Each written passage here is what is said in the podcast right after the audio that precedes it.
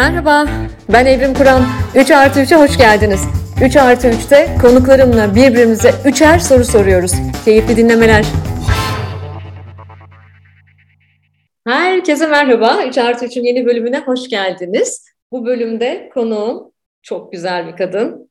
Çok sevgili arkadaşım, sevgili Aylin Kotil. Aylin hoş geldin 3 artı 3'e. Hoş bulduk Evrimcim.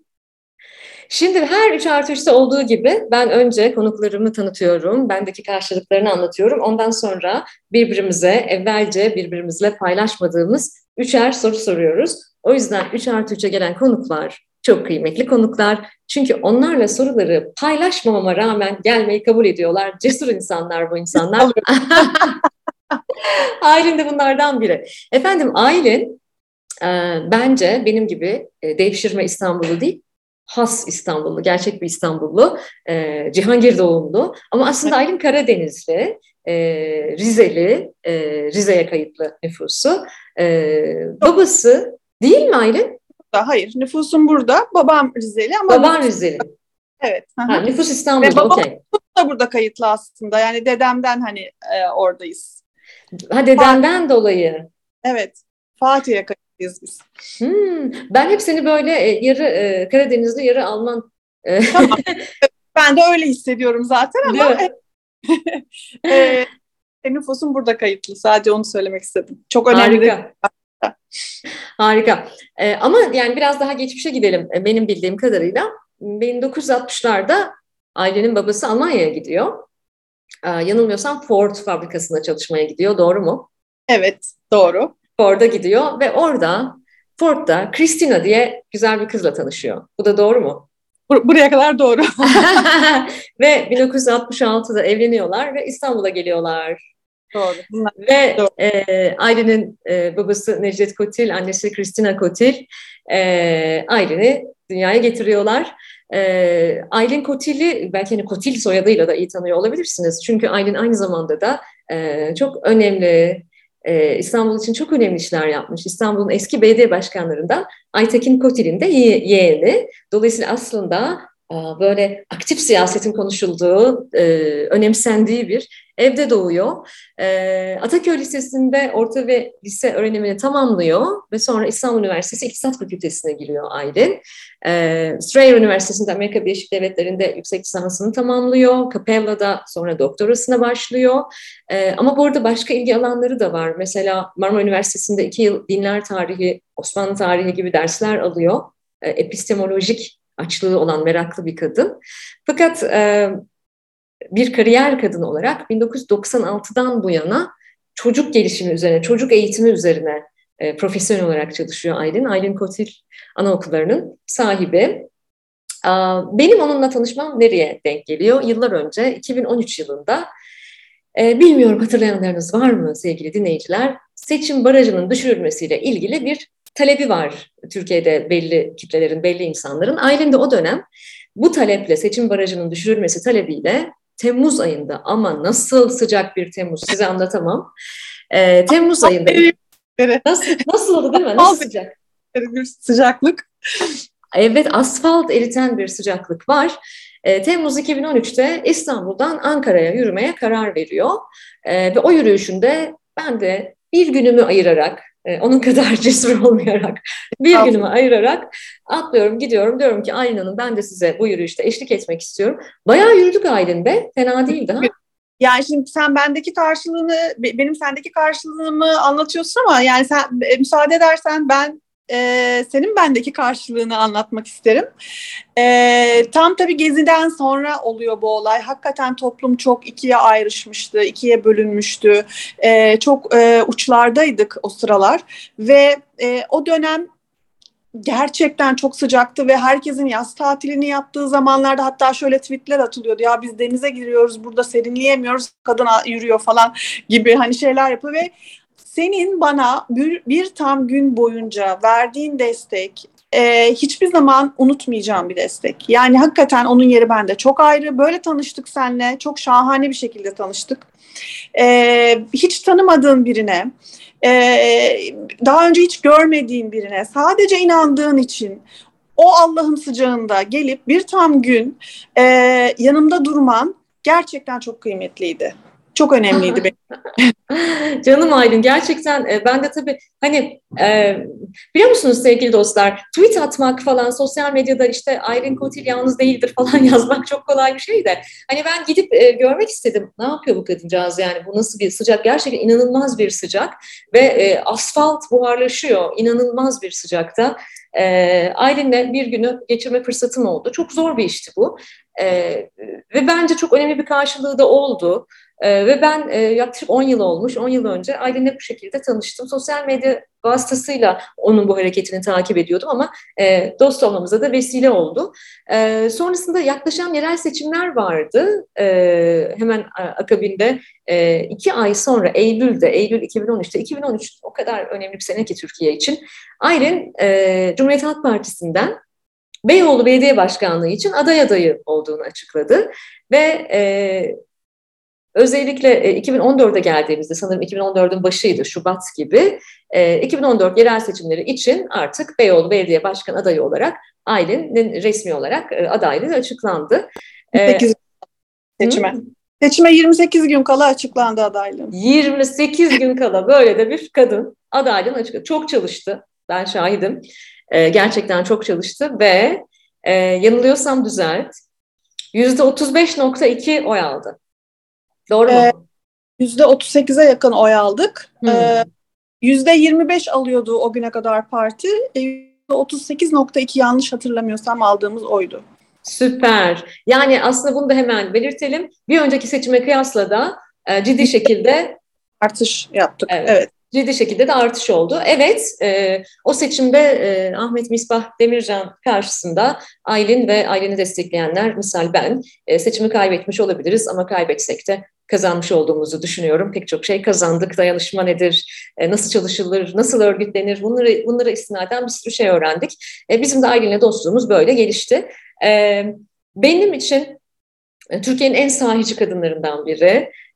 Bence Türkiye'nin en güzel kadınlarından biri. Daha bugün bu yayın için oturmadan önce bir arkadaşımla, bir iş dünyasından bir dostumla gideceğim Aylin'le podcast çekeceğim şimdi dedim. Sonra da ikinci cümlem şu oldu. Ay ne kadar güzel bir kadın değil mi Aylin dedim. O da öyle dedi. Gerçekten ne kadar güzel bir kadın. Güzellik öyle bir acayip bir şey ki insanın gerçekten kalbinden gözünün ferine yansıyan bir şey. Aylin de bence kalbinden gözünün ferine güzellik yansıyan çok güzel bir insan. Bir de geçenlerde bütün bunlar yetmezmiş gibi babaanne oldu.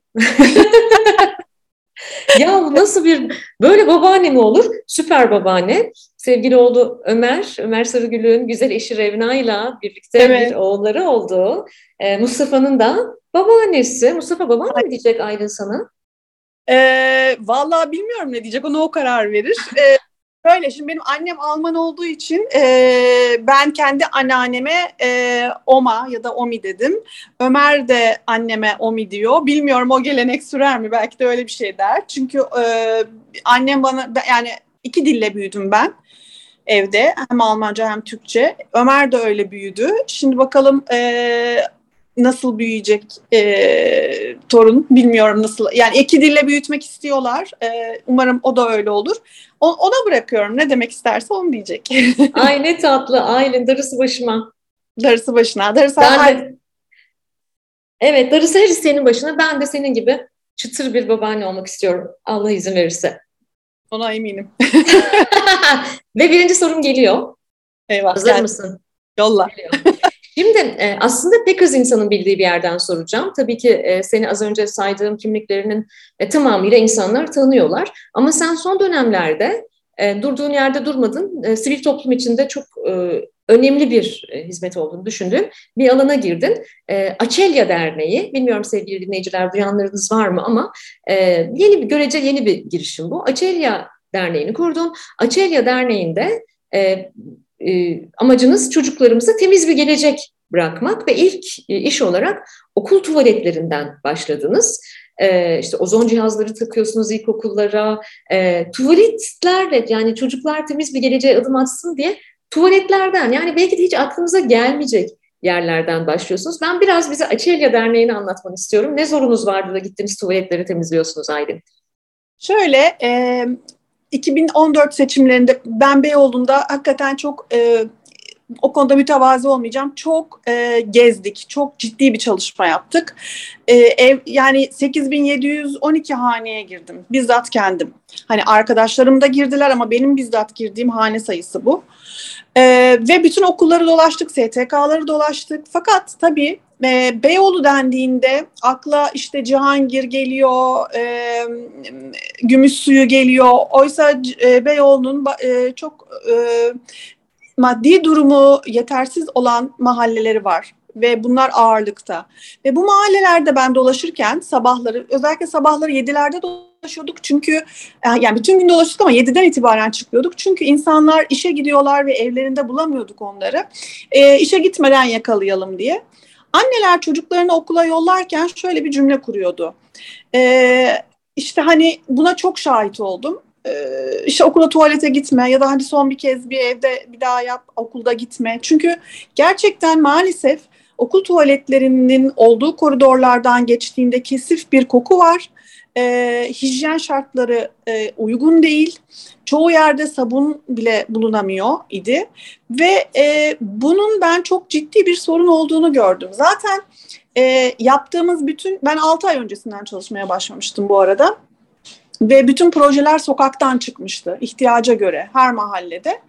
Ve ben hani o zaman onu da görüp e, ya eğer hani burada belediyeyi kazanırsak gerçekten bu işi biz üstlenelim e, diye de bir proje geliştirmiştik. Kısmet olmadı ayrı mesele. Fakat tabii hala bir hijyen sorunumuz maalesef okullarda var. Ee, çok fazla devlet okulu var doğal olarak ve e, okulların imkansızlıkları da çok ortada. Maalesef böyle bir sıkıntımız var. Biz de dedik ki arkadaşlarımızla bir dernek kuralım, adını Açelya koyalım. Açelya çiçeği bulunduğu ortamın havasını temizleyen bir çiçek. Ve hangi okulun neye ihtiyacı varsa gücümüz yettiğince tuvaletlerin onarılması gerekiyorsa onarmak. İşte ozon makinesi kendi okullarımda da var. Pandemiyle birlikte aldık. E, mikrobu kırıyor yani bulunduğu ortamda 5 dakika bile çalıştırmanız yeterli. Oradaki mikrobu kırıyor ve o kokuyu da alıyor. Ya da temizlik malzemesi yardımı yapalım dedik. Hani ucundan biz de bu işin ucundan tutalım ve bunları yapalım dedik. Yapıyoruz da şu anda. Hani ihtiyaç olan okullar bir şekilde bize ulaşıyorlar zaten. Hem temizlik malzemesi yardımı yapıyoruz. Hem e, onarımı tabii yaz tatilinde yapabiliyoruz. Kışın yapamıyoruz çünkü çocuklar okulda. E, bu şekilde devam ediyoruz. Ama ozon cihazlarını da takabiliyoruz tabii okullar devam etse de. Harika bir iş yapıyorsunuz. Ee, ben sonuçta bir hekim veya bir işte mikrobiyoloji uzmanı falan değilim ama dün akşam bir aile yemeğindeydik ve şunları konuşuyorduk masada. Ee, öğretmen bir anne babanın çocuğu olduğum için de normal bir diyalog olduğunu düşünüyorum. Aslında e, bir takım hastalıkları ilk öğretimde hatta okul öncesinden başlayarak okul tuvaletlerinden nasıl alma e, e, olasılığı olduğunu çocukların özellikle e, HPV aşısıyla ilgili de konuşurken aslında tuvaletlerden ne kadar çok çocukların e, bu e, virüsle ilgili de hastalık kapabileceğini ve aslında okul tuvaletlerinin ne kadar önemli olduğunu konuşurken ben de dün masada dedim işte Atölye Derneği diye ailenin e, böyle bir e, başında olduğu bir oluşum var. O yüzden şunu da ben özellikle dinleyici duysun istiyorum. Ben bireysel olarak, evrim olarak veya kurumlar, bizi dinleyen kurumlar, şirketler, e, kurumsal olarak nasıl destek olabiliriz derneğe? Ne yapabiliriz Aylin? Yani derneğimiz legal, e, aynı ya da aktif yardım yapabilirler. E, dediğim gibi e, mesela bir e, bizim aracılığımızla ulaşmak istiyorlarsa ozon makinesi ya da ne bileyim temizlik malzemesi yardım yapabilirler. Direkt temizlik malzemesini alırlar, biz teslim ederiz. Bunları yapabiliriz yani. Harika, süper. Nasıl ulaşırlar Açelya Derneği'ne? E, bizden ulaşabilirler. E, sosyal medya hesaplarımız var. Oradan ulaşabilirler. E, yani oralardan çok rahat ulaşırlar bize. Efendim temizlik imandan gelir. Çok inançlı bir ülkeyiz. Buradan başlayalım o halde. Buradan da bu mesajı verelim. Teşekkürler. Ve, ve e, birinci soru sırası şimdi sende. Okey tamam. Ben bu soruları yazdım tabii ki. Tabii ki kafamdalar ama e, canlı yayında böyle senle aksamayayım diye yazdım. E, kadın olmak bizi bir kalıba hapsediyor hissine kapılıyor musun Evrimcim? Yani sence bir kadın olduğumuz için daha fazla mı sorumlu hissediyoruz? Ne dersin? Hem de nasıl? Ee, isyan şarkısını söylüyorum tam da bu noktada. Sen e, çok iyi biliyorsun hani bizim kişisel sohbetlerimizden ama e, bunu duyuralım da halkımıza. e, kadın olmakla ilişkili bize e, yapıştırılan veya yakıştırılan yaptıların hepsini reddetmeye kırklarımdan sonra karar verdim galiba. Ağzımıza çalınan bir parmak balı tükürmeye, e, bizi kutsallaştıran bütün, kutsallaştırmaya çalışan bütün sistemlere olan isyanım bu yaşlarımda daha çok ortaya çıktı. Bir de araya ee, Evet. çok bunu söylemem gerekiyor. Bu konuda ne dedin? Çok cesursun. Umarım öyleyimdir. Belki de belli bir yaştan sonra e, biraz delilik de işin içine giriyor olabilir. Ama mesela şunu reddediyorum. Mesela anne olduğum için kutsal olmayı, Hı hı. Ee, anayım ben, ana her şeyden önce ben bir anneyim falan. Mesela bu tarz söylemleri, annelik mitine kilitlenmeyi veya e, Evrim Kur'an çok başarılı bir iş kadını, e, bunu da reddediyorum. Başarının ne olduğunu tartışmaya açtığım dönemlerdeyim. E, yani oradaki performans indikatörü nedir? E, veya erkek gibi kadın, bunu reddediyorum. Güçlü kadın en çok bunu reddediyorum. E, çünkü kadın olmayı çok seviyorum ve e, bin bir türlü kimlikten bizleri toplum arındırırsa sadece kadın olduğumuz, o dişil enerjimizle, o kadın kimliğimizle var olmamıza bu toplum izin verirse, kırılganlığımızla da bizi kabul ederse. As, kırılgan. Kırılganlığımızla bizi kabul ederse. Hassas, kırılgan, tutkulu, hepsi kadına dair. evet, hepsi bize dair. E, o zaman sanki daha kapsayıcı, daha barışçıl bir toplum içerisinde yer alacağız. Mesela ağladığım zaman muayyen gününde misin demezse toplum. E, veya mesela e, çıldırdığım zaman e, şirret kadın demezse e, veya kıskandığım zaman bütün kadınlar böyledir genellemeleri yapmazsa. Ya da kadınları anlamak imkansızdır demezse. evet. Kadınlar ne ister zaten bu hiçbir zaman bilinemedi. Bu kadim bir soru falan gibi yaklaşmazlarsa e, bence daha barışçıl olacağız. Bence e, kadın enerjisi, kadın emeği, kadın eli değmesi gerçekten e, çok anlamlı hayattaki her türlü üretime. Ama bence biz e, kadınlar ve erkekler ve tüm e, toplumsal cinsiyet tanımlarıyla tüm cinsler bir arada barış içinde, huzur içinde yaşayabiliriz. Ben sadece kimsenin beni kutsallaştırmasını, İstemiyorum. E, güçlü bir kadın da değilim. Acayip de kırılgan bir kadınım. Bir kez daha bu yayın vasıtasıyla ifade etmek istiyorum. Tüm tanıdığım tanımadığım kız kardeşlerime ben en büyük gücümü de kırılganlığımdan alıyorum. Öyle. Bir de zaten ana kutsaldır meselesini sen daha iyi biliyorsun. Sen bir kuşak araştırmacısı. Zaten bu kuşak da pek e, söken bir şey değil o yani benim gördüğüm. Yani öyle onlar öyle bakmıyorlar benim gördüğüm kadarıyla. Çok doğru. Yani e, bakmıyor yani bence. Çok doğru. Ee, bu yeni jenerasyon buna böyle bakmıyor. Ee, bu yeni jenerasyon için bence kutsal olan şey zaten e, yaratılmış bir varlık olmak. Bir çiçek, evet. bir bitki, bir insan, bir hayvan ama bir yaratılış ürünü olmak ve hepimizin bu yeryüzünde e, kapsadığımız bir yer var. Ruhumuzla, bedenimizle kapsadığımız bir yer var ve varoluşumuza izin verilmesini istiyorum ben.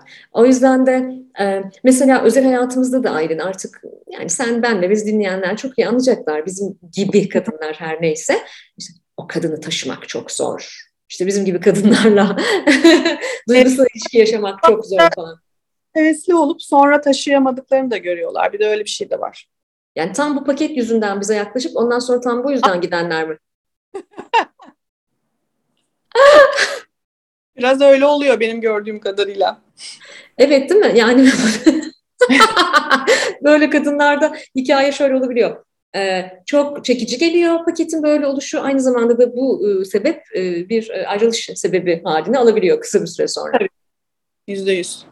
Halbuki ay biraz susun ve biraz rahat bırakın kendinizi de salın. Bir salın kendinizi. Güçlü kadın fenomeninden bir kurtulun, bir salın.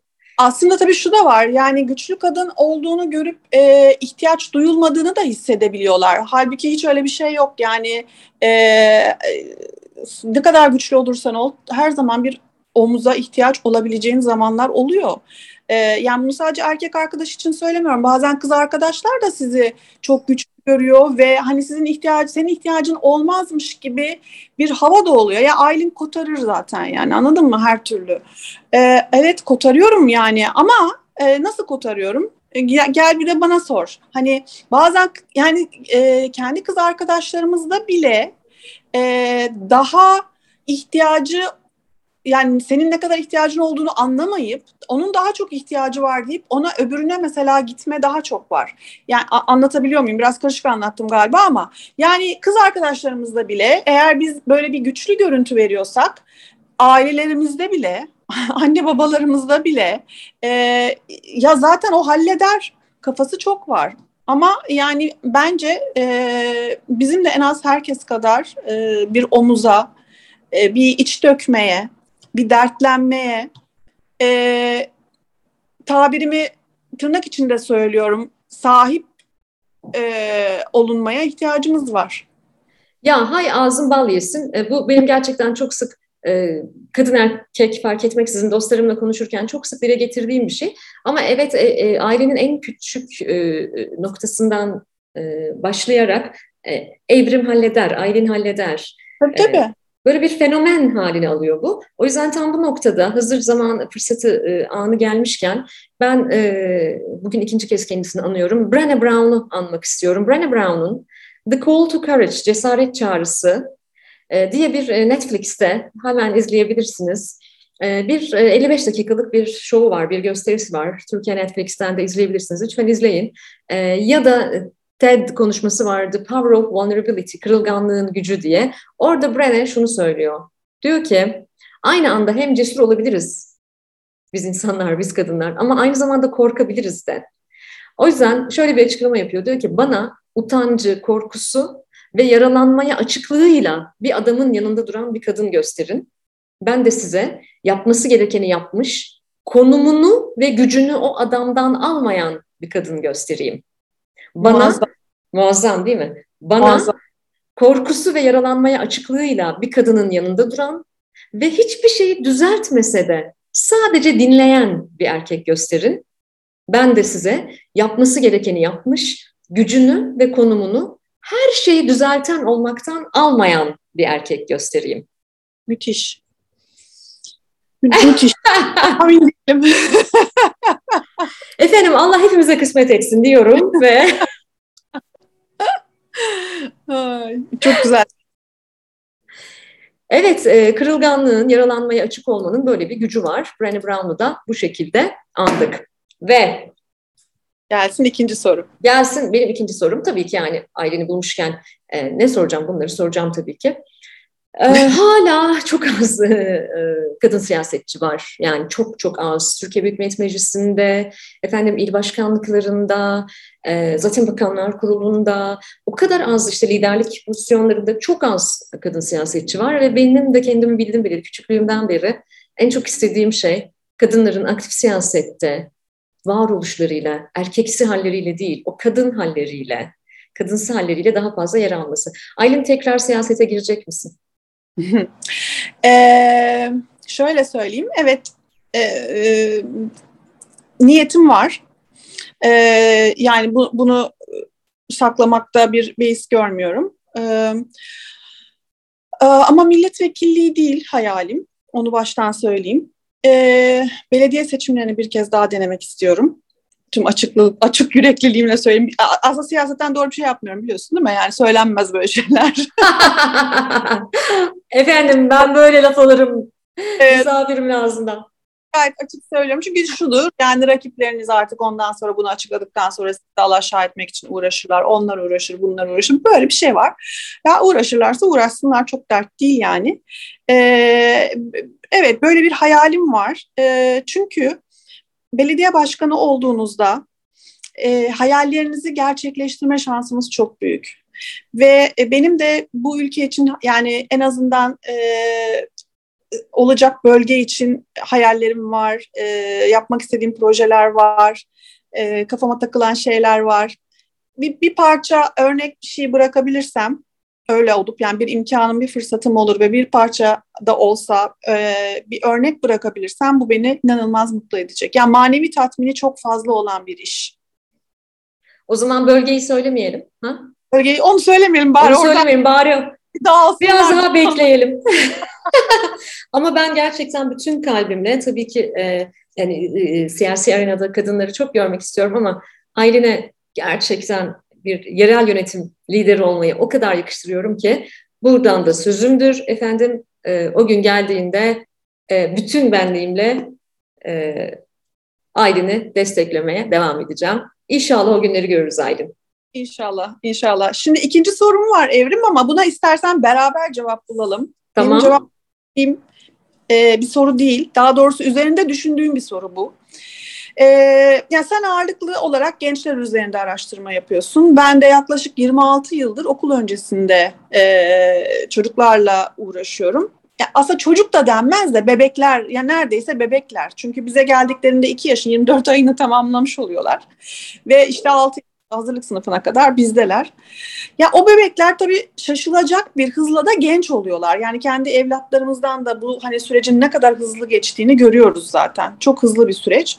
Ama hep Ra- Raquel Dink'in e, sözlerini düşünüyorum. Bir bebeği bir katile dönüştürmek ne, neden bu kadar kolay der. E, ve bir bebeği sorumlu ve özgür bir insan haline getirmek bu kadar zorken. Neden Müthiş. bu kadar ee, yani ben gerçekten bu soruyu bulamıyorum ve mesela e, şöyle de bir şey var. Tertemiz doğuyor çocuklar gerçekten. Doğdu, yani kendi evladımdan da görüyorum okuldaki bir sürü çocuk ve yavaş yavaş mesela kirlendiğini de görüyorsun gözünün önünde. Özellikle insan kendi evladında daha rahat görüyor. Yani doğduğu gibi olmuyor ki hiçbiri.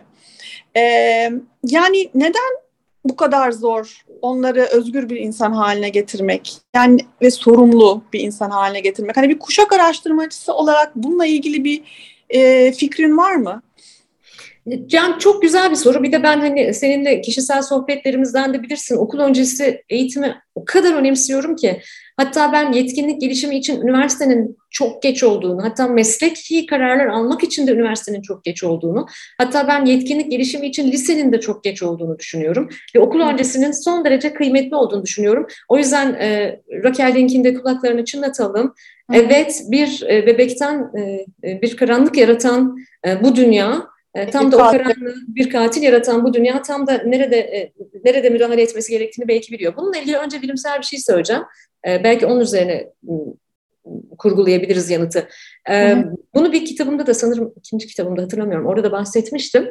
E, Peter Skillman denen çok sevdiğim bir araştırmacı var ve bu Peter Skillman birkaç ay süreyle epey bir zaman böyle bir e, eylem araştırması yapıyor ve dörtlü gruplarla yaptığı bir yarışmadan e, bahsedeceğim. Bu yarışmada her gruba 20 parça, 20 adet pişmemiş spagetti çubuğu veriyor. 1 metre şeffaf bant, 1 metre ip ve bir standart ebatta marshmallow, o beyaz yumuşak lokum şekerlerden veriyor ve görev, görevleri veriyor. Görev şu, bunları kullanarak en yüksek yapıyı inşa edeceksin ve kural şu, marshmallow en tepede kalacak. Ve yarışmacılarda kimler var? Avukatlardan bir grup yapıyor, CEO'lardan bir grup yapıyor, MBA öğrencilerinden bir grup yapıyor, bir de anaokulu çocuklarından grup yapıyor. Ve süreç başlıyor ve 18 dakikaları var. 18 dakika içerisinde en yüksek kuleyi, spagetti kulesini inşa eden birinci olacak. Sadece 18 dakikaları var. Ee, MBA öğrencileri hemen e, başlıyorlar çalışmaya ama konuşuyorlar, strateji geliştirmeye çalışıyorlar, malzemeleri inceliyorlar, birbirlerine sorular soruyorlar. Avukatlar öyle, CEO'lar öyle. Tamam mı? Hepsi bir stratejik. En başarısızlar CEO'lar oluyor. Düşün. Aynen çünkü sürekli strateji geliştirecekler falan ya bir de birbirlerine salak gibi görünmeyecekler falan. En stratejik benim falan. Ee, MBA öğrencileri zaten okulda öğrendiklerini falan kağıda böyle stratejik kanvasları falan döküyorlar. Kağıda dökecekler. Yalnız 18 dakika var. Süre gidiyor yani. Bir tek anaokul öğrencileri strateji kullanmıyor. Analiz, soru, sentez falan yok. Taktik maktik yok. Bam bam bam yani. Ve malzemeleri kaptıkları gibi işe girişiyorlar. Ve çalışırken de kısa cümleler kuruyorlar. Bak şöyle buraya yok yok oraya gibi. E zaten çok uzun cümleler kuramıyor anaokul çocukları yani hali. ve o kadar otantikler ki yani sadece o göreve kendilerini adıyorlar ve kazanıyorlar yani en çok kazananlar onlar. Neden biliyor musun? Çünkü onlardan başka herkes de statü gerginliği var. Sanki çok işbirliği içindelermiş gibi davranıyor diğer gruplar. Halbuki verimsizler. Halbuki kaçınıyorlar ve en kötüsü rekabet ediyorlar. Bu kimin görevi? Ve e, bir şey gireceğim araya takım olmayı da unutuyorlar. Kesinlikle unutuyorlar. Bak anaokulunda öğrendiği o muhteşem şeyi unutuyor. Hatta sonra şöyle sorular ortaya çıkıyor. Acaba benim takımdaki şu kişinin fikrini eleştirmem doğru mu? Çünkü yarın ona işim düşebilir falan yani, gibi. Yani win-win de yok anladın mı? Hani hep beraber kazanalım falan öyle bir şey de yok. Bir benim gittiğim bir seminerde gene e, çok kıymetli bir anlatıcı vardı ve e, şeye tahtaya bir tane siyah nokta koydu. E, beyaz bir tahta ve siyah nokta. Bu sonra bu nedir? Herkes siyah nokta falan dedi. İşte diyor ki hiç değişmiyor bunun cevabı diyor. Herkes siyah nokta diyor. Bir, ben anaokuluna gittiğimde kuşun gözü, babamın burnu. yani ya e, şeyler de gidiyor tabii. Yani yaratıcılık da gidiyor bir yerde. Kesinlikle öyle. Demek ki formal eğitim sistemi bak liseye gelmedik. İlk öğretimden başlayarak anaokulundan sonra formal eğitim sistemi aslında bütün yaratıcılığı öldüren ve en önemlisi bireyi hele ki bizimki gibi gelişmekte olan ülkelerde korkunç bir rekabetçi ortama sokan hangi sosyoekonomik seviyede olursa olsun bir sistem yaratıyor. Halbuki anaokulu çocuğu statü için rekabet etmiyor. Omuz omuza evet. çalışıyor. Omuz omuza Çünkü çalışıyor. Bunu bilmiyor duyguyu. Kirlenmek de zaten yani bir yandan da. Ve risk alıyor. Evet. Risk alabiliyor.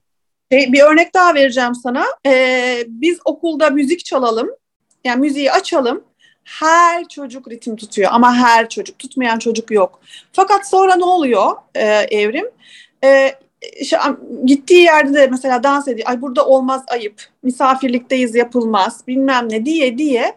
Bir bakıyorsun büyük koca koca insanlar ay ben dans edemem, dans etmeyi bilmiyorum diyen insanlar oluyor. Halbuki küçükken hepsi dans etmiş. Ya en basit örneği de bu hani bu işin. Ee, ettiğimiz laflar, kurduğumuz cümleler tabii hayat yani bir sürü bir şey yaşıyoruz mutlaka ama çok önemli çocuk eğitiminde. Kesinlikle. O yüzden tabii ki dezavantajlı bölgelerde, semtlerde, ülkenin dezavantajlı sosyoekonomik seviyelerinde tabii ki okul öncesi eğitimin desteklenmesi bir devlet politikası olarak son derece önemli olmakla beraber anaokulu çocuğunun yaşı evde bir birey olarak o kadar kıymetli ki bence sadece ve sadece eğlenmesini sağlamak, evet. proje çocuk yetiştirmemek önemli. Önemli. Yani ailelere rehberlik yapmak da çok önemli. O yüzden ben çok önemsiyorum. Senin yaptığın işi de çok önemsiyorum. Anaokullarını çok önemsiyorum. Keşke bütün çocuklara, Türkiye çok dezavantajlı bir ülke bu anlamda. E, keşke bütün çocuklara bu erişse ama formal eğitim öncesi e, anaokulu çağında ben aslında pek çok değerlerin, toplumsal cinsiyetten demokrasinin bütün unsurlarına varan öğelere kadar ben bunların tamamının anaokulu çağında verildiğini düşünüyorum. Yüzde yüz katılıyorum sana. Yüzde yüz. Yüzde yüz. O yüzden elbette e, Türkiye'nin şartları gereği e, epey bir sosyoekonomik seviyede bakıcılarla veya güç yetmezse anneanne, babaanne gibi aile büyükleriyle büyüyor çocuklar. Güvenlikleri açısından da bu hoş ve anlamlı olabilir. Ama mutlaka akranlarıyla komünite içerisinde omuz omuza çalışmayı öğrenmeleri gerektiğini de düşünüyorum. Tabii yani zaten mesela bir büyükle büyütüldüğünde yani bu bakıcı olsun, anneanne, babaanne olsun hep idare ediliyor. Her ne istiyorsa yapılıyor ve idare ediliyor. Aslında akranlarıyla olduğunda da e, idare edilmeyecek. Orada bir mücadele var. Mesela dinlemeyi öğrenecek, sadece e, konuşmayacak e, ya da işte ne bileyim e, bir oyuncakla oynarken belki sırasını bekleyecek gibi ya da işte tek başına oynamaktansa birlikte bir oyun kurmayı öğrenecek gibi şeyler var. O yüzden e, sadece hani e, anaokulu bir çocukların bakıldığı yerden ziyade aslında çok fazla şeyin kazandığı, çok fazla özelliklerin kazandırıldığı bir e, kurum. Kesinlikle, kesinlikle katılıyorum. Ee, inşallah tüm Türkiye'de e, yaygınlaşır bu ve e, önemli politikalarımızdan biri halini alır. Evet. Ve benim Üçüncü soruma sıra geldi. Hazır mısın? Son sorum. Sor. Şimdilik. Ee, bilenler var mı? Bilmiyorum. Belki ailenin kendisi bile unutmuştur ama onu 2006 yılına götüreceğim. 2006 evet. yılında ne yaptı? Bilmem ne yaptım. Kitap çıkardı. kitap yazdı, kitap çıkardı. Benim için ateş yakar mısın? Aylin ne yazdın? Niye yazdın? Ve tekrar kitap yazacak mısın? Ee, şöyle, Cumhuriyet Pazar'da yazıyordum ve iki sene Cumhuriyet Pazar'da yazdım. Oradaki yazılarımı derleyip toplayıp e, kitap haline getirmiştim. Orada da zaten güçlü kadınlarla ilgili bir yazım var o kitapta severim onu. E, ya kitap ya, mesela ben e, kitap yaz, e, o anlamda üreten insanlara gerçekten hayranlık duyuyorum. Bunlardan biri sensin. E, acayip meşakkatli bir iş. E, acayip emek isteyen bir iş ve hakikaten hiç kolay olmayan bir iş. Yani nasıl bu kadar çok kitap çıkarıyorsun ben anlamıyorum. Gerçekten. E, hakikaten anlamıyorum. Yani e, kitap yazmak kolay iş değil. Çok zor bir iş. E, çok emek isteyen bir iş. E, tekrar yapar mıyım hiç bilmiyorum. Şu en azından kısa vadede böyle bir planım yok. E, ama bazen anaokuluyla ilgili bir şeyler yazayım istiyorum. Yani çocukların o kadar güzel lafları var ki, o kadar güzel şeyler söylüyorlar ki. Ara ara not ediyorum ama hepsine yetişmem imkansız. Ee, bundan bir tane örnek vereyim hani anla ne demek istediğim ya da dinleyenler anlasın diye söylüyorum. Bundan böyle yıllar önce bir tane çocuğumuz vardı. Ee, şimdi adlarını unuttum ama galiba Berra'ydı çocuğun adı. Ve bir başka kız çocuğu kırmızı bir etekle gelmişti okula ve kırmızı hakikaten çok güzel bir etekti. Ve gidiyor geliyor mesela yanıma öğretmenim o kızın adını unuttum şu Ayşe diyelim. Ayşe'nin kırmızı eteğini gördün mü dedi. Evet gördüm Berra'cığım dedim. Aradan yarım saat geçti, 45 dakika geçti. Öğretmenim Ayşe'nin kırmızı eteğini gördüm? Gördüm Berra'cığım. Artık bu üçüncüde ben de dedim ki çok mu istiyorsun o etekten dedim. Hayır öğretmenim bir tanecik istiyorum dedi. yani e, o kadar güzel şeyler yaşıyoruz ki Evrim. Buna benzer bir sürü şey söyleyebilirim. Hani bunlar böyle bir kitapta toplanabilir. Ya da velilerle yaşadıklarımız bir kitapta toplanabilir. Çok enteresan şeyler e, yaşıyoruz. Ya da işte bir anaokuluna aslında çocuğunuzu vermeniz gerekirken nelere dikkat etmeniz lazım. Bunlar bir kitapta toplanabilir. E, toplanacak çok şey var ama bilmiyorum yani e, yakın gelecekte böyle bir planım yok. Ay hemen olsun bayıldım ben şeye e, çocuklardan duyduğum şeyler. Çocukça dilinde bir kitap yaz ne olur. Yani muazzam muazzam laflar var. Yani e, bir tane veli geçen gün söyledi.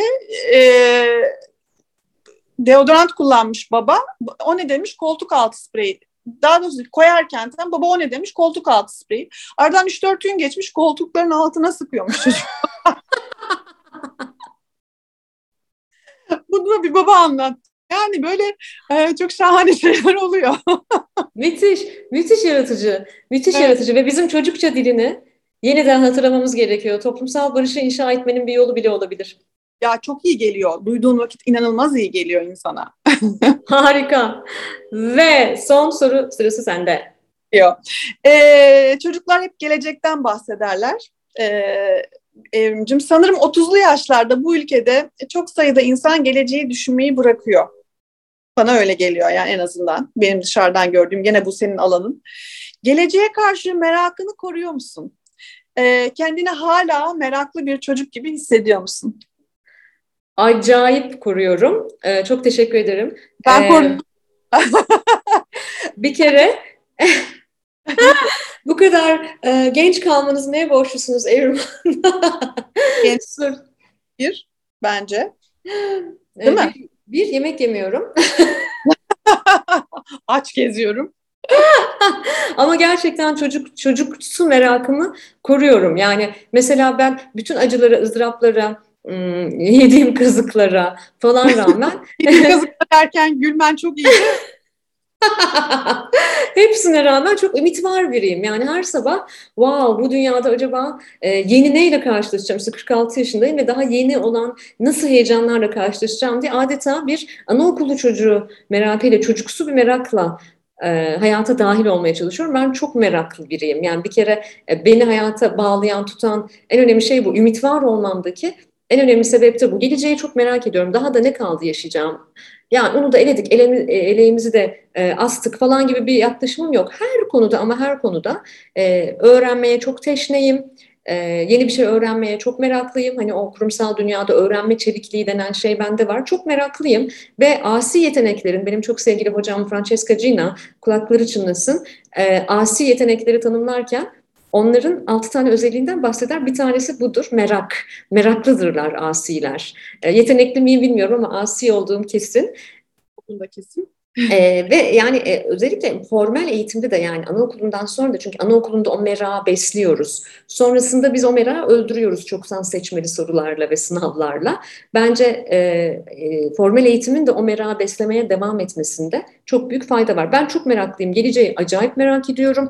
Kimlerle tanışacağım? E, kiminle önümüzdeki hafta buluşacağım? Nasıl yeni projeler alacağım? E, işte oğlum kiminle evlenecek? Nasıl bir hayatı olacak? Ben işte önümüzdeki sene yaz tatilini nerede geçireceğim? Ülkeye ne olacak?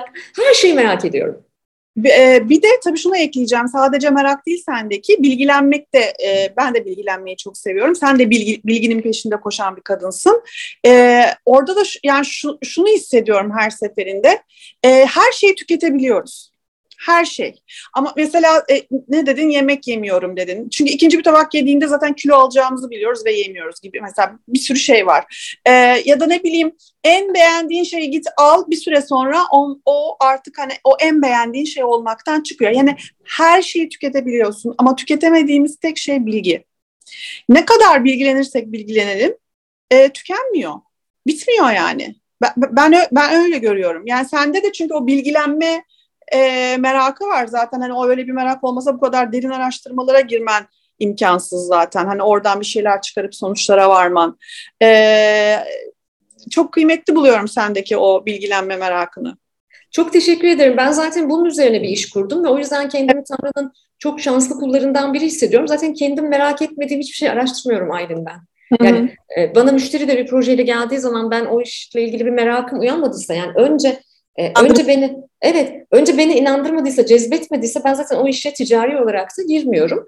E, bu da benim galiba gözümdeki feri sağlam tutuyor. Herkese de tavsiyem naçizane e, merakınızı, merak duygunuzu kaybetmeyin ve hayatınızda meraklı olduğunuz için sizi aşağı çekenler varsa onları hayatınızdan hemen defedin gitsin. Onlar Doğru. enerji vantuzları. Doğru. Onlar var. Evet. Efendim şimdi yayını kapatacağız ama e, benim minicik bir sürprizim vardı Aylin'e e, ama o e, biraz bahsetti az önce bilmediği halde.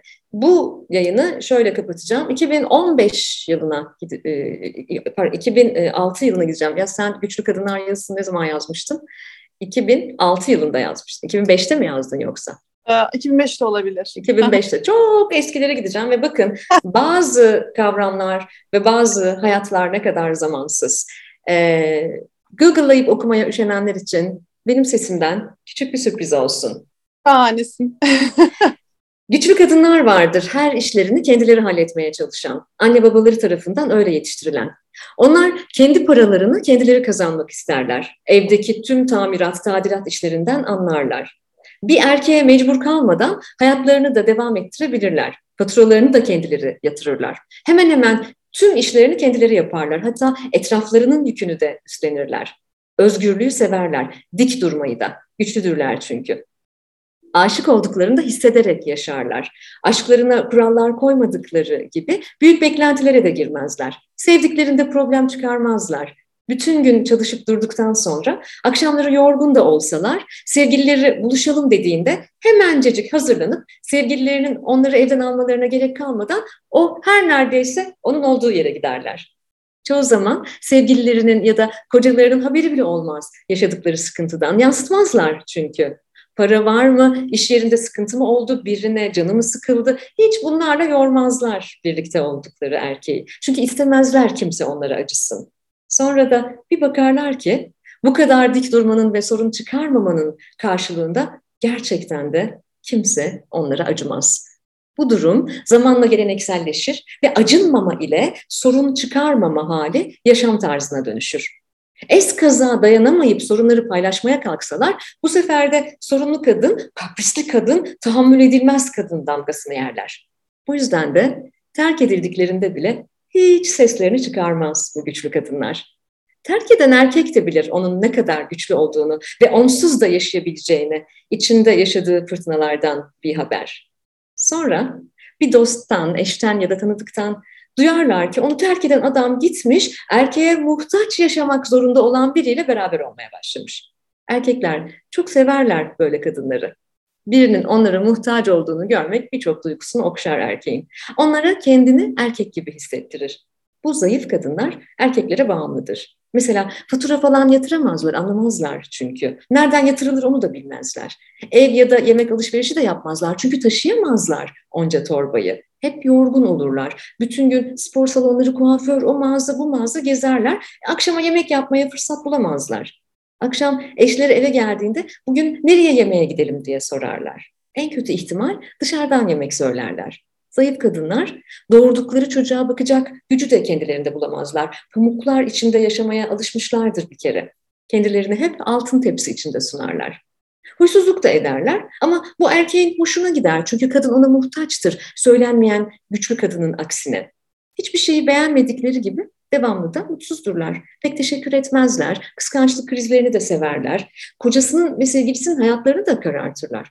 Erkekler bu kadınları asla terk edemezler. Çünkü o güçsüz kırılgan bir kadındır. Ayrılırsa kurda kuzuya yem olur. Koruyup kollanmalıdır her an o. Zayıf kadınlar hiç çökmez, vuruşmaz ve yıpranmazlar. Ancak işin ilginç yanı her zaman daha değerli olanlar da onlardır. Ve geride kalan güçlü kadınlar tüm bunların nasıl gerçekleşebildiğine sadece baka kalırlar. Yalnız senin sesinden de çok güzel oldu. Ben mi yazdım bunları dedim ya.